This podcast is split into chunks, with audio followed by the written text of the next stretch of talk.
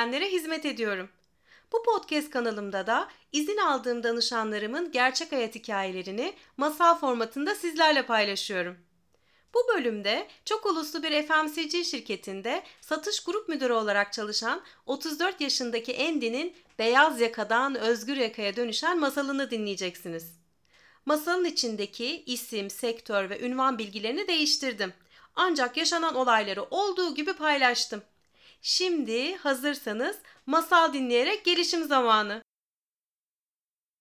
Bir zamanlar kapitalizmin zirve yaptığı dönemlerin birinde çok uluslu bir FMCG şirketinde çalışan Andy isminde beyaz yakalı bir çalışan vardı. İş hayatına bu şirkette başlamıştı. Çalışkanlığı, azmi ve çözüm odaklı yaklaşımı sayesinde 31 yaşına geldiğinde aynı şirkette satış grup müdürü olmuştu. Kendisine bağlı 110 kişiyle şirket gelirlerinin %65'inden sorumluydu ve bu sorumluluğun beraberinde getirdiği birçok zorluk ve baskı altında boğulduğunu hissediyordu. Andy'ye göre zorluk ve baskıyı arttıran faktör direktörünün tavırlarıydı. Kendisi uzun öğlen yemeklerinde, tatillerinde, boş beleş toplantıların ortasında tabletinden günlük hedefleri kontrol edip tutmayan hedefler olursa Andy'yi arıyor ve hedefler tutana kadar başında boza pişiriyordu. Sahada yaşanan olaylarla direktör kesinlikle ilgilenmiyordu. Haticelerden değil neticelerden bahset diyerek onun açıklamaya yapmasına dahi izin vermiyordu. Normalde anlayışlı ve yapıcı olan Andy bu baskılara her gün maruz kalmaktan ekibi içinde zorlayıcı, baskıcı ve suçlayıcı bir canavara dönüşmüştü. Takımı üzerinde uyguladığı her baskıdan sonra da yaptıklarından utanıyor ve pişman oluyordu.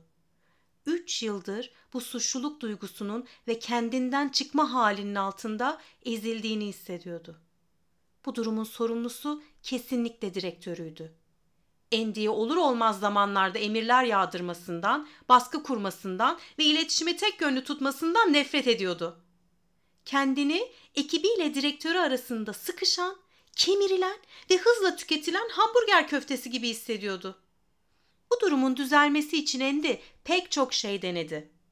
Öncelikle direktörüyle birebir konuşma girişiminde bulundu. Ancak direktörü sürekli telefonuyla ilgilendiğinden ve onun yüzüne bakmadığından kendi kendine konuşuyormuş gibi hissetti. Sonra insan kaynaklarına durumu birkaç kez anlattı.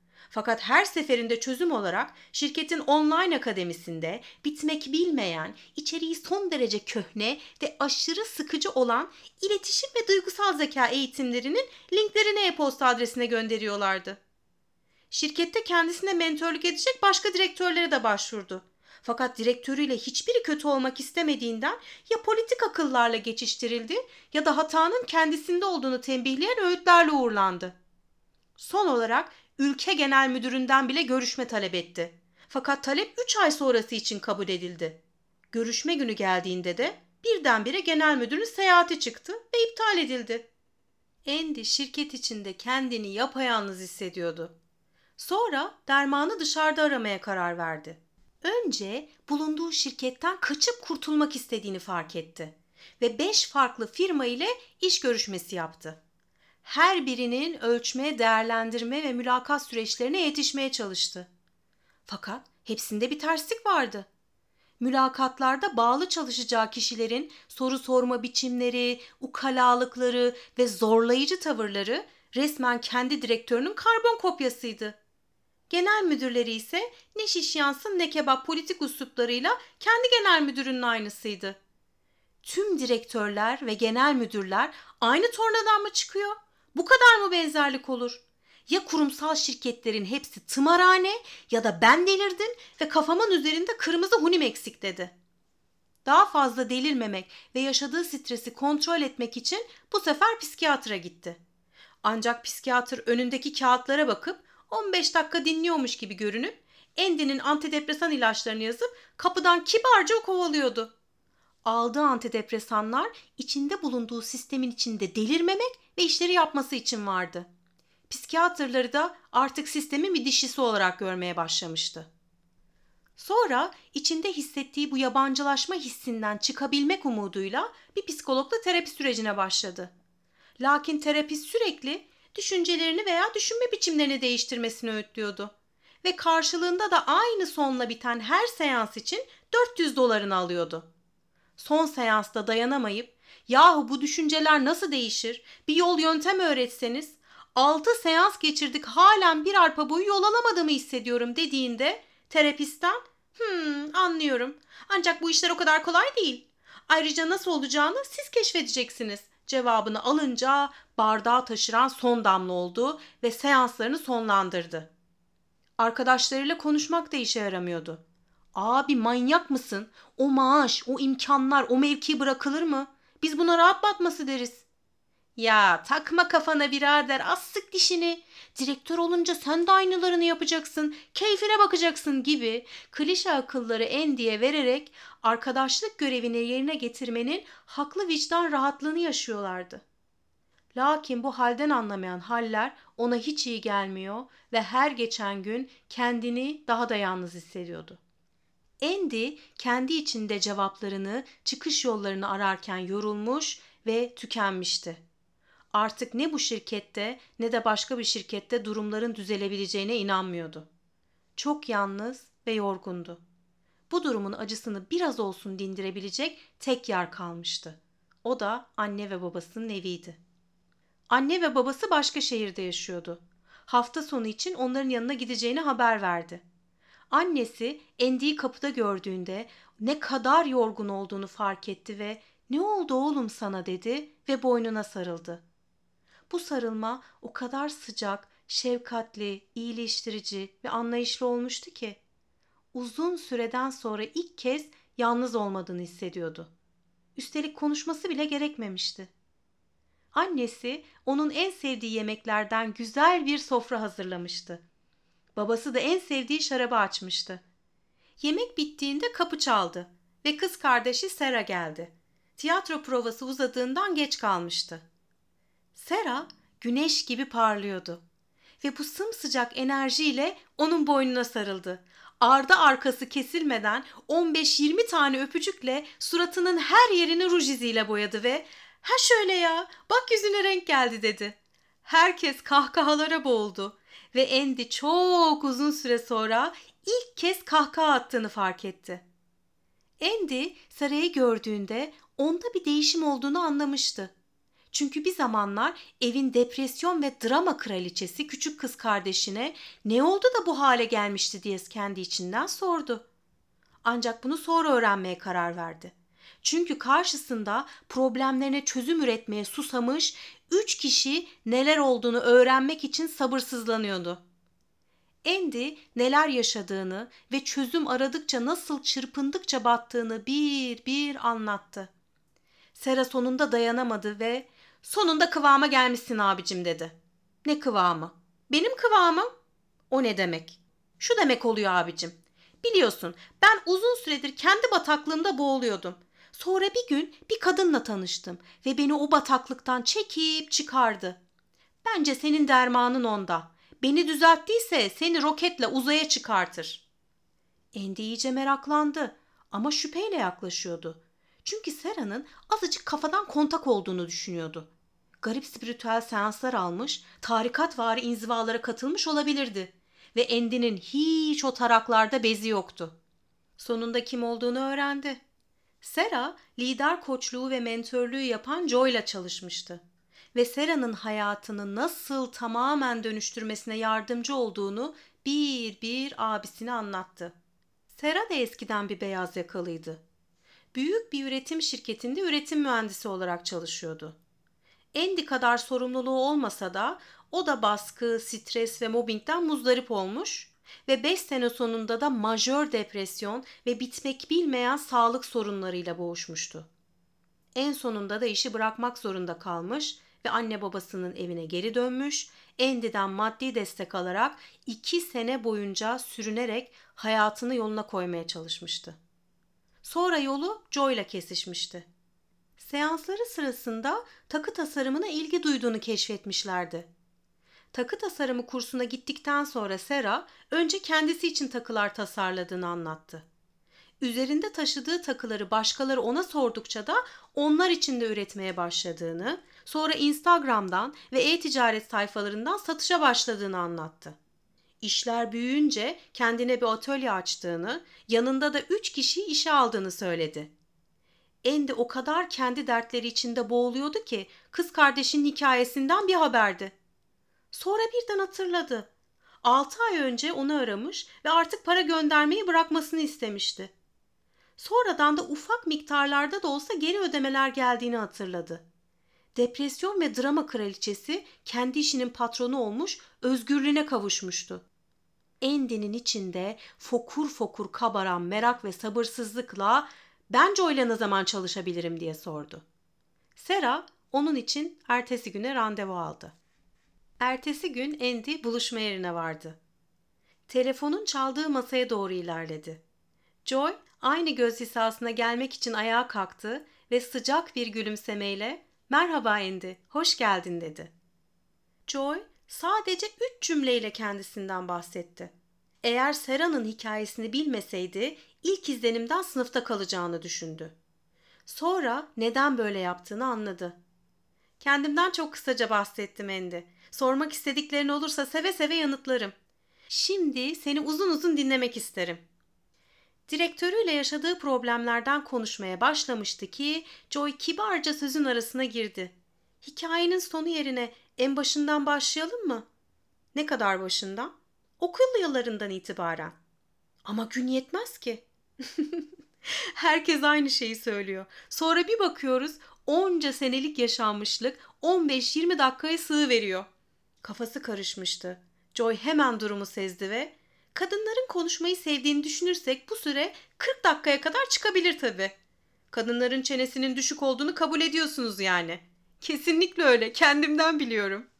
Joy bunu söyledikten sonra ortamdaki şüpheci ve meraklı buzlar erimiş, yerini samimi bir sohbete bırakmıştı.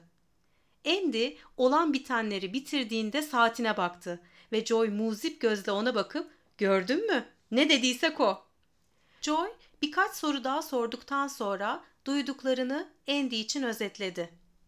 Andy anladığım kadarıyla ilkokuldan bu yana başarı hayatının ayrılmaz bir parçası olmuş ve başarıyı adeta yakıtın yapmışsın. Okul dönemlerinde anneyle babanın yüzünü yere koymak istemezken iş hayatında da bu kişiler yöneticilerin ve şimdiki hayatında da direktörün olmuş. Ne derlerse, ne isterlerse yapmışsın. Ama heyecanlanmış yapmışsın, ama bunalmış yapmışsın, ama patlamışsın, çatlamışsın, yine de yapmışsın. Doğru mu? Sonra annenle babanı yerine koyduğun yöneticilerin seni onlar gibi takdir etmemiş, sana yardım etmemiş, seni ödüllendirmemiş, tam tersi yeri geldi mi seni zor durumda bırakmış, lafları ağzına tıkı vermiş, sana bir de psikolojik şiddet uygulamış. Doğru mu? Joy her doğru mu diye Andy'den onay aldığında Andy'nin yaşı önce 8'e sonra da 5'e inmişti. Boynunu bükmüş ve sesi cılız çıkmaya başlamıştı. Sonra sen bu işte bir terslik hissetmişsin. Şirket içinde ve dışında bu meseleyi birçok yolla çözmeye çalışmış ancak her seferinde ya duvara toslamışsın ya da iyice yalnız ve çaresiz hissetmişsin. Doğru mu? Doğru. Şimdi oturduğun sandalyede pozisyonunu hiç bozmadan gözlerinle kendine bakmanı ve bana ne gördüğünü söylemeni istiyorum. O sandalyeden aşağı kayıp düşmek üzere olduğunu, olduğu yerde çöktüğünü, omuzlarının içine göğüs kafesine kadar yaklaştığını, boynunu büktüğünü söyledi. Peki bu gördüğün kişi nasıl biri? Ezik, küçük, yardıma muhtaç, kabahat işlemiş küçük bir çocuk dedi. İşte yaşadığın olaylardan dolayı kendini getirdiğin hal bu. Cevabını duyunca sanki vücuduna kocaman bir iğne batırılmış gibi hissederek ben mi kendimi bu hale getirdim? Evet Endi. Hepimiz ne yapıyorsak, ne yaşıyorsak bu gerçekliği kendimiz yaratıyor veya birilerinin bizim için yaratmasına izin veriyoruz. Sonra da başımıza gelenler için suçlayacak birini arıyoruz. Çünkü başkalarını suçlamak kendi içimizdeki karanlıklara bakmaktan daha kolay geliyor. Sonra da neden bunlar benim başıma geliyor diyoruz ve dermanı dışarıda arıyoruz. Halbuki kendimizin yanında duramadığımız için yalnız hissediyoruz. Ve insan en çok kendinden kaçar ve kaçtığını sanarken de kendine yarattığı sorunların girdabında boğulu verir. Kendinde kalma konusunda kararlılık gösterirsen bu yaşadığın gerçekliği değiştirebilirsin. Bu duydukları karşısında Endi ağırlaştı. Kimse onunla böyle konuşmamıştı. Kızgındı ama Joy'a değil, kendine. Joy, eğer istersen bir sonraki seansımızdan itibaren bu gerçekliği nasıl değiştireceğimizin yollarını birlikte keşfedebiliriz. Sen iyice ölç, tart, biç kendi içinde, sonra kararını bana söyle oldu mu? Endi kararlılıkla, ben hazırım. Zorlanacağımı biliyorum ama şu ana kadar yaşadığım hayatı anladığım kadarıyla kendi kendime zorlaştırmışım. Bundan sonra yaşamımı kolaylaştırmak için çaba sarf etmeye de hazırım. Andy, Sera'nın tabiriyle işte şimdi kıvama gelmişti. İkinci ve üçüncü seanslarında Joy, onu soğan halkası gibi her bir katmanıyla tanımak ve kendisiyle tanıştırmak için çalıştı. Andy artık şunu biliyordu. Kendisiyle yüzleşip kendisiyle önünde engel olan duvarları yıkmadan yaşamında yeni bir gerçeklik yaratamayacaktı. Bu seansların sonunda şunu fark etti. Yaptığı her şeyi ama her şeyi başkaları için yapıyordu. Onların isteklerini yerine getirmek için yaşayan ama kendi isteklerini bilmeyen, bilmediği için de dile getiremeyen ve bu talepler karşısında da her geçen gün ezilen, gücünü kaybeden ve yalnızlaşan Andy ile karşılaştı. Önüne ördüğü duvar buydu. Ama en önemlisi bu duvarı neden ördüğünü keşfetmişti. Bu ne bir aile travması ne de direktör gazabıydı. Bu durumu tetikleyen ilkokul öğretmeniydi. İki kez ödevini yapmadığı için onu bütün sınıfın önünde azarlamış ve aşağılayıcı bir şekilde onunla konuşmuştu. Bu utancı bir daha yaşamamak için kendini ve yaşamda isteklerini kapalı bir kutuya koymuş, o kutuyu da erişemeyeceği bir dolabın üstünde saklamıştı. Çünkü kabahatliydi kendini ve yaşamda istediklerini yaşamaya kendine hak görmüyordu. Kabahatli olduğunu düşündüğünden kendini cezalandırıyordu. İlkokul öğretmeniyle başlayan bu kabahat zinciri sevgililerinde, arkadaşlıklarında, üniversitede, iş hayatında ve son olarak da direktörüyle halka halka oluşmuştu. Ve yaşam bunu fark etmesi için benzer olayları ve profilleri kendisine çıkartarak bu zinciri kırması için resmen haykırıyordu. Ödevlerini yapmasa da, hedefleri tutturmasa da, birilerini memnun etmese de, hiçbir şey yapmasa da değerli olduğu bilincini kazanmanın, o dolabın üstündeki kutuyu aşağı indirmenin, kendisiyle ve yaşamdaki istekleriyle kavuşmasının vakti gelmişti. Bunun için Andy'nin kendisine ve isteklerine hayatında yer açması ve boş zamanlar yaratması gerekiyordu. Bu boş zamanlar onun nefes alması, ne istediğini hayal etmesi ve yeni şeyler denemesi için gerekliydi. Peki yoğun beyaz yakalı yaşamında bu nasıl mümkün olacaktı? Seansların devamında Andy'nin bir gününü nasıl geçirdiğini, nelere vakit ayırdığını, neleri neden yaptığını birlikte irdelediler. Ve bu aşamada üç tane şeyi fark ettiler. Birincisi, Andy gününün çoğunu saha ziyaretlerinde geçiriyordu. Bu ziyaretleri yapmasının nedeni çıkan problemleri yerinde çözmeye çalışmasıydı. Yani takımı için Andy'yi görmek eşittir problem demekti. Bu da onlarda aşırı derecede baskı ve stres yaratmaya başlamıştı. Andy'nin takımının yanında olma nedenini problemlerden ayırarak işe başladılar. Sahada problem olduğunda takımındaki kişilerin Andy'yi arayıp problemleri onların yerine çözmesine son vermeleri gerekiyordu. Ancak bu alışkanlığı her iki taraf için de düzeltmek hiç kolay olmadı. Önce problem olduğunda sahaya gitmek yerine telefonla iletişim kurarak problemleri çözmeye başladı.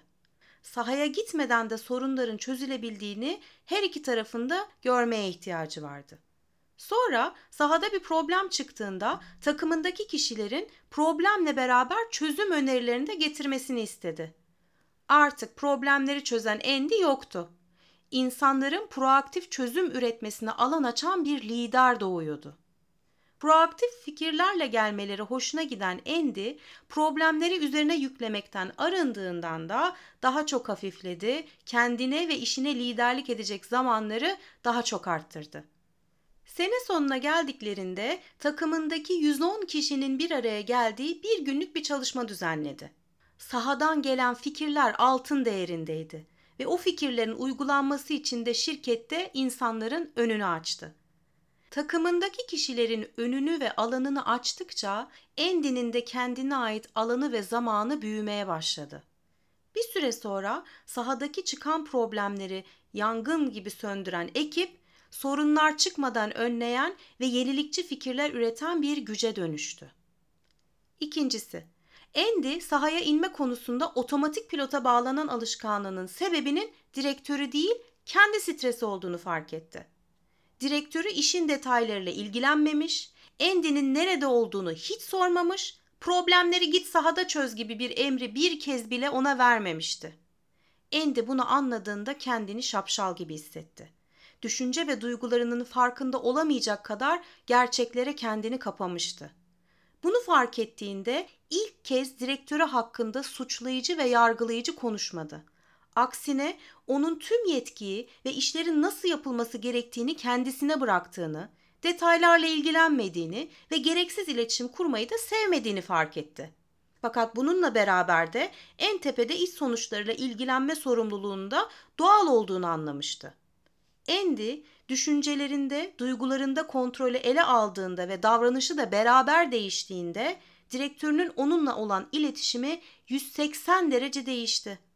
Çünkü artık karşısında sürekli strese giren, problemlerden konuşan, ağlayan bir yönetici yoktu. Artık işine ve durumlara, en önemlisi de kendine hakim bir lider vardı. Bir süre sonra uzun öğlen yemeklerine onu da davet etmeye başladı. Andy gördü ki bu insanlar ne canavardı ne de kusursuzdu. Onlar da insandı. Onların da korkuları, kaygıları, yaşamda sorunları vardı. Sadece bunları ele alış ve dünyaya yansıtma biçimleri Andy'ninkinden farklıydı. Üçüncüsü, Andy lider olarak alanını ve etkisini genişlettiğinde daha büyük sorumlulukların ve yepyeni mücadele konularının hayatına dahil olduğunu ve olmaya da devam edeceğini anladı ve bu gerçeği kabul etti. Bir sene sonra departmanı inanılmaz başarılara imza atmıştı ve mükafatı Andy'nin kapısını çaldı. Kendisine 5 ülkeden sorumlu bölgesel bir liderlik pozisyonu teklif edildi. Ve bu teklifin referansı da bilin bakalım kimdi? Direktörünün kendisi. Direktörü girişimcilik dünyasına yelken açmak üzere şirketle vedalaştı. Şimdi Andy halen aynı şirkette mutlu mesut bir şekilde çalışmaya devam ediyor. Şirketinde tüm çalışanları, yöneticileri, müşterileri ve tedarikçileriyle yalnızlık hissinden çok uzaklarda harikalar inşa etmeye devam ediyor. Evet, Andy vardı muradına, sizler çıkın kerevetine. Umarım bu masal size ve benzer durumlar içinde olduğunu düşündüğünüz insanlara çok iyi gelir. Haftaya başka bir beyaz yakalının özgür yakalı masalıyla görüşmek üzere demeden önce kanalıma abone olmayı ve kendi cevaplarını arayan başka insanlarla bu masalları cömertçe paylaşmayı unutmayın. Hello Deniz'den kucak dolusu sevgiler.